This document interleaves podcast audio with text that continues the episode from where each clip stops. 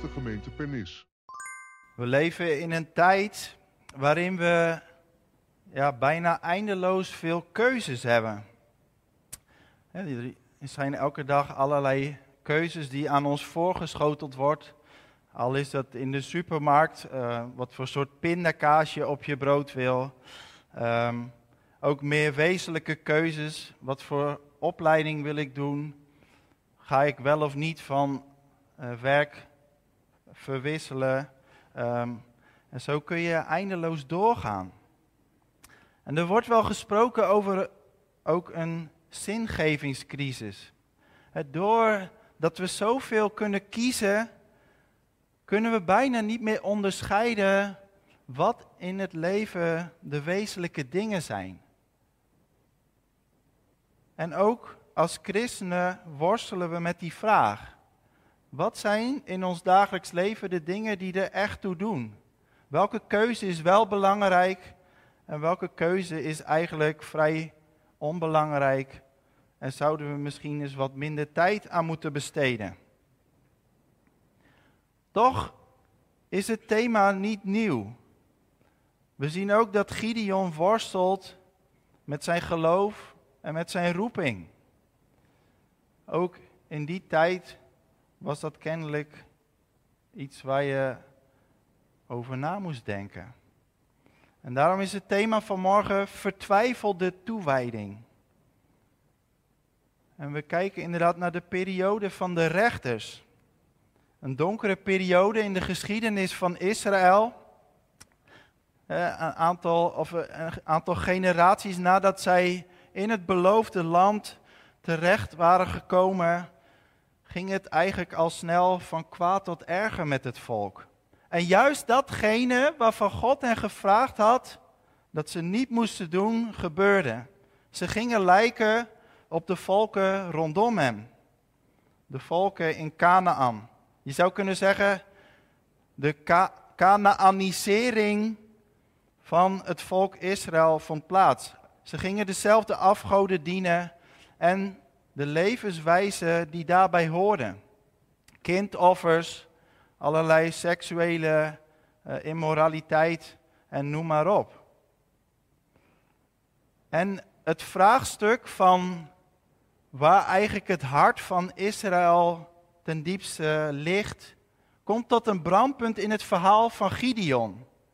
Vanaf het begin zie je dat Gideon aan het twijfelen is. Keuzes moet ik maken? Kan ik echt op God vertrouwen? Is God eigenlijk wel betrokken? Ben ik dan de geschikte leider voor dit volk? En het hoofdstuk wat we net gelezen hebben begint met de dreiging van buiten. De Midjanieten en ook andere woestijnvolken die vallen het land binnen en ze plunderen de oogst. Is God betrokken? Is God eigenlijk wel betrokken als er dreiging van buiten is? Als er dingen gebeuren die we niet goed kunnen verklaren? Als er dingen zijn waar we mee worstelen? Maar we zien dat er meer aan de hand is in het verhaal. Het gaat niet alleen om de dreiging van buiten. Ook is er dreiging van binnen. Inderdaad noemde ik dat al. Waar ligt het hart van Israël? Waar ligt het hart van haar leiders? In het verhaal blijkt dat de Baal aanbeden wordt. En sterker nog, dat de familie van Gideon daar een vooraanstaande rol in heeft. Dat zijn eigen vader waarschijnlijk de priester is die daar in het volk voorgaat. Dus waar ligt de loyaliteit? En dat is ook de vraag waar we ons vanmorgen mee bezig gaan houden. De vraag is niet of God bij ons betrokken wil zijn, maar of wij Hem echt in ons leven willen betrekken. In hoeverre mag God de plaats in je leven hebben die Hem toekomt? En dan is de dreiging van binnen groter dan die van buiten. ik noemde dat net al. De Midianieten waren ehm, het land binnengevallen. En ze hadden de oogsten geplunderd. In uh, hoofdstuk 6, vers 5 wordt het heel beeldend voorgesteld. Als een zwerm sprinkhanen kwamen ze aanzetten met hun vee en hun tenten.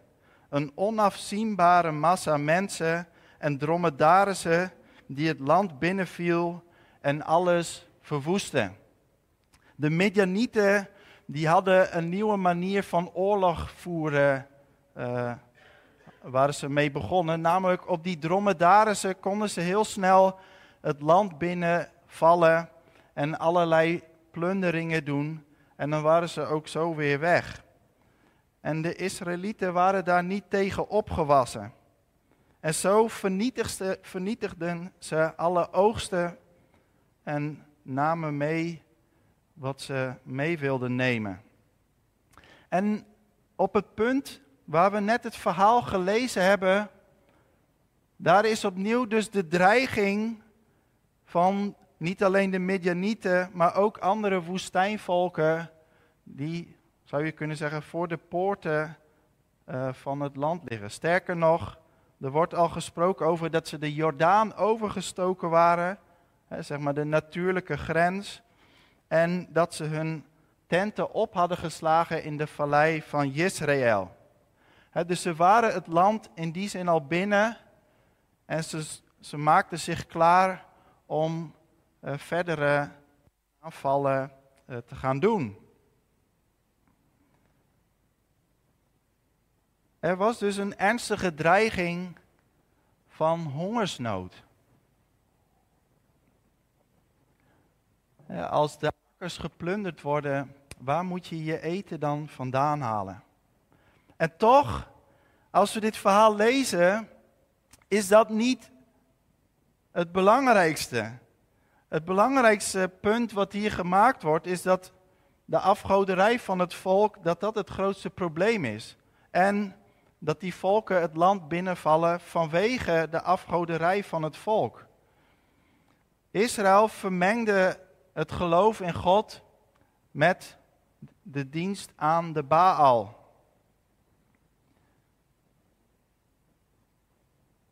En dat was natuurlijk het eerste gebod.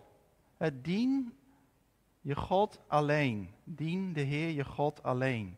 En geen andere afgoden. En zo kunnen wij ons misschien ook zorgen maken over allerlei ontwikkelingen die er op dit moment plaatsvinden. Misschien maak je je wel zorgen over hoe het met ons land gaat en hoe dat straks verder gaat.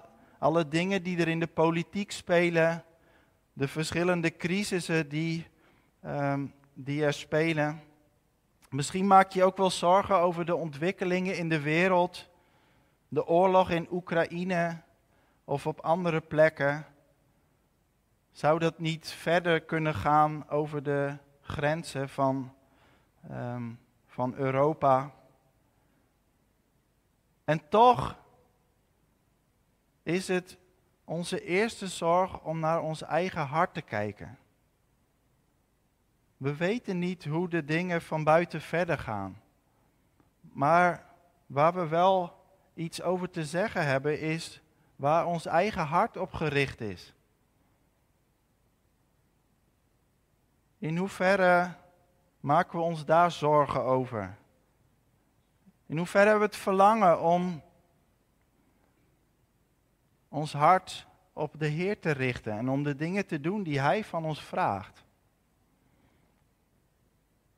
Als een uh, politieagent alleen maar bezig is met zijn werk en met uh, ja, zeg maar het handhaven van de wet en hij zorgt niet voor zijn eigen karakter, dan bestaat de mogelijkheid dat gaandeweg um, ja, dat, dat, ze, dat, dat hij misschien nog wel uh, wil werken voor de goede zaak, maar dat zijn karakter verandert, waardoor hij zich daar niet meer goed aan toe kan wijden. Je ziet dat soms ook in films, dat een, dat een agent gaandeweg steeds corrupter wordt, omdat hij niet goed voor zijn binnenkant zorgt. En dat is eigenlijk de zorg die we ook voor ons eigen hart mogen hebben. De dreiging van binnen is groter dan die van buiten. Maar misschien vraag je dan af, maar wat als God niks van zich laat merken? Soms kun je zo worstelen met het leven of met de dingen die je bezighouden. En is de dreiging van buiten, is dat dan onbelangrijk? Er kan toch wel degelijk ook een gevaar in schuilen. En je zou kunnen zeggen, we hebben het steeds opnieuw nodig dat God zich bemoeit met ons leven. Want hoe moeten we anders die weg vinden? En het bijzondere is in dit verhaal dat dat ook gebeurt. Ondanks de dubbelhartigheid van het volk blijft God betrokken. Ook hier zien we dat hij betrokken is. Sterker nog, dat hij gebruik maakt van iemand die dus ook bij die Baal-cultus zelf betrokken is. Dat hij Gideon als leider van het volk roept en dat hij hem wil gebruiken om het volk de juiste weg te wijzen. God maakt gebruik van mensen zoals jij en ik. Met al onze kwetsbaarheden, al onze onvolkomenheden en zelfs met onze dubbelhartigheid. En in die zin zijn de afgoden van vandaag de dag niet zo heel verschillend van die van vroeger. De Baal-cultus had heel veel met vruchtbaarheid te maken. Als de Baal gediend werd, dan zorgde die ook voor rijke akkers en voor vruchtbaarheid in eh, nakomelingen en op allerlei andere manieren. En in hoeverre verschilt dat van vandaag de dag als we hunkeren naar geld, succes, naar macht, naar genot en noem maar op. In die zin zou je kunnen zeggen, hebben we met dezelfde dingen te maken. En Gideon die vraagt dan om een teken van God. Of God wil laten zien of hij werkelijk betrokken is. Daarmee draait hij de dingen eigenlijk om. want doordat hij zelf bij die afgoderij betrokken was, liet hij juist zien dat hij niet met zijn hele hart op God gericht was. En nu moest God aan hem bewijzen of hij daadwerkelijk het volk wilde helpen. En toch doet God dat. God laat een teken zien. Hij, hij uh, brengt vuur uit de hemel, zodat uh, op het altaar wat uh, Gideon gemaakt heeft, het vlees ook verbrandt. En Gideon wordt opgeroepen om ook de paal die bij de afgoderij gebruikt wordt, om die omver te hakken. En hier zag we dan dat hij ook wordt vervuld door de geest van God. Dus God laat zien dat hij met zijn geest betrokken is bij Gideon en bij het volk. En toch stelt Gideon opnieuw die vraag in vers 36. Ik wil graag weten of het werkelijk uw bedoeling is door mij toedoen Israël te bevrijden zoals u hebt gezegd. Heeft Gideon opnieuw bevestiging nodig? Of zo zou je het ook kunnen lezen. Nu al die manschappen verzameld zijn, wil Gideon misschien laten zien, ook aan de andere Israëlieten, dat God wel degelijk betrokken is. Hoe het ook zij, God laat zien dat Hij betrokken is. En dat stelt ook vragen aan ons leven. En hoe, hoe vaak geeft God je een nieuwe kans? En durf je daarin dan ook op Hem te vertrouwen? Durf je jezelf aan Hem toe te wijden? Want God laat zien dat Hij sterker is dan de machten en Hij verlangt de toewijding van Zijn volk. Het is uh, het is niet zomaar dat hier een teken wordt gebruikt van dauw. Uh, de dauw als teken van Gods bevestiging. Ik heb een oom die, die woont in Californië, in San Diego. En hij vertelde een keer dat, um, dat het daar, dat dauw, zeg maar, dat dat heel belangrijk is. Omdat er in de zomermaanden geen regen valt, um, is de dauw die in de nacht, zeg maar, op, op de uh, aarde blijft liggen, en met name op de planten, uh, die is wezenlijk voor die planten om te kunnen blijven groeien. En in feite gold dat ook voor, uh, voor in Israël in de zomermaanden. Ook daar regende het in de zomer niet, waardoor die dauw dus noodzakelijk was. En nu was het zo dat eh, de Baal ook gezien werd als de god van de regen en de god van de dauw. Hij werd wel de wolkenrijder genoemd. dus de volken die, die de Baal aanbaden geloofden dat die de dauw gaf. En dat die dus ook de bloei van um, van die akkers gaf. En als je dan even kijkt naar de situatie waarin Israël zit, met die geplunderde akkers en met de hongersnood die er is. En dat er dan gevraagd wordt om dauw.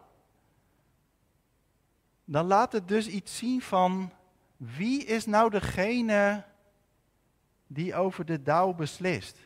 Wie is degene die ervoor zorgt dat de akkers kunnen bloeien? Dat is niet de Baal, maar dat is de God van Israël. De God van Israël beslist over de dauw en dat laat hij hier ook zien. En in eerste instantie vraagt Gideon om uh, dat stuk wol, om dat te laten zijn en om de aarde daaromheen, om die droog te laten zijn. Op zich is dat heel logisch, hè? Ik bedoel, als, als je iets op de grond legt, een kledingstuk, Um, en je kijkt de volgende ochtend, dan is waarschijnlijk dat kledingstuk, als er dauw is, is uh, vochtig. En de grond daaromheen, de tegels zeg maar, of de aarde, die droogt veel sneller op.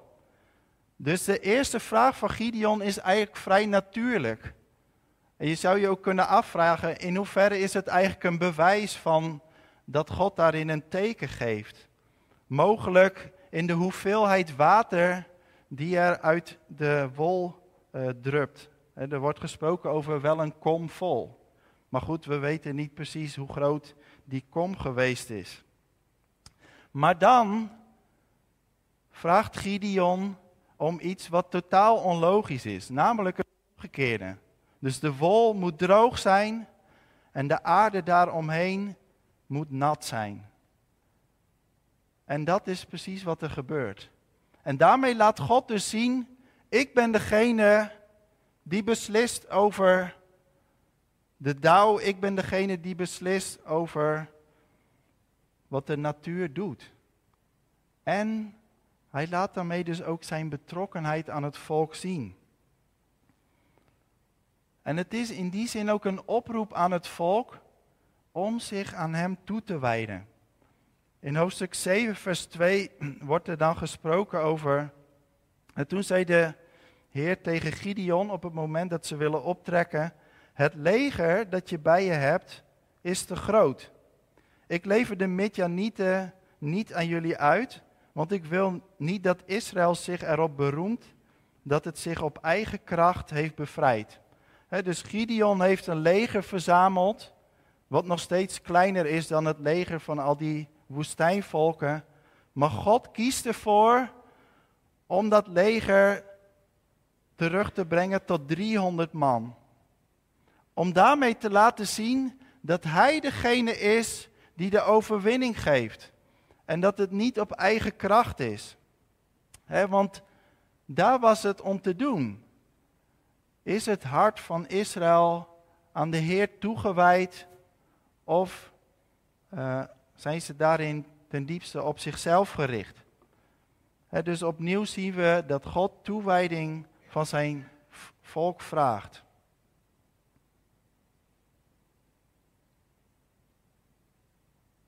En ik denk dat dit een wezenlijke vraag is die we ons als gemeente ook telkens opnieuw moeten stellen. Praten we daarover met elkaar? Hoe staat het met jouw toewijding naar de Heer? Wat zijn de dingen waar je tegenaan loopt? Wat heb je van ons nodig om daarin te groeien? Voeren we die gesprekken nog met elkaar? Zijn we als gemeente met elkaar op de Heer gericht? Of draait het om allerlei praktische zaken, hoe belangrijk die ook kunnen zijn, uiteraard. Maar als het hart eruit weg is, dan worden ze totaal onbelangrijk. Laten we elkaar er telkens opnieuw bij bepalen dat onze loyaliteit bij de Heer ligt.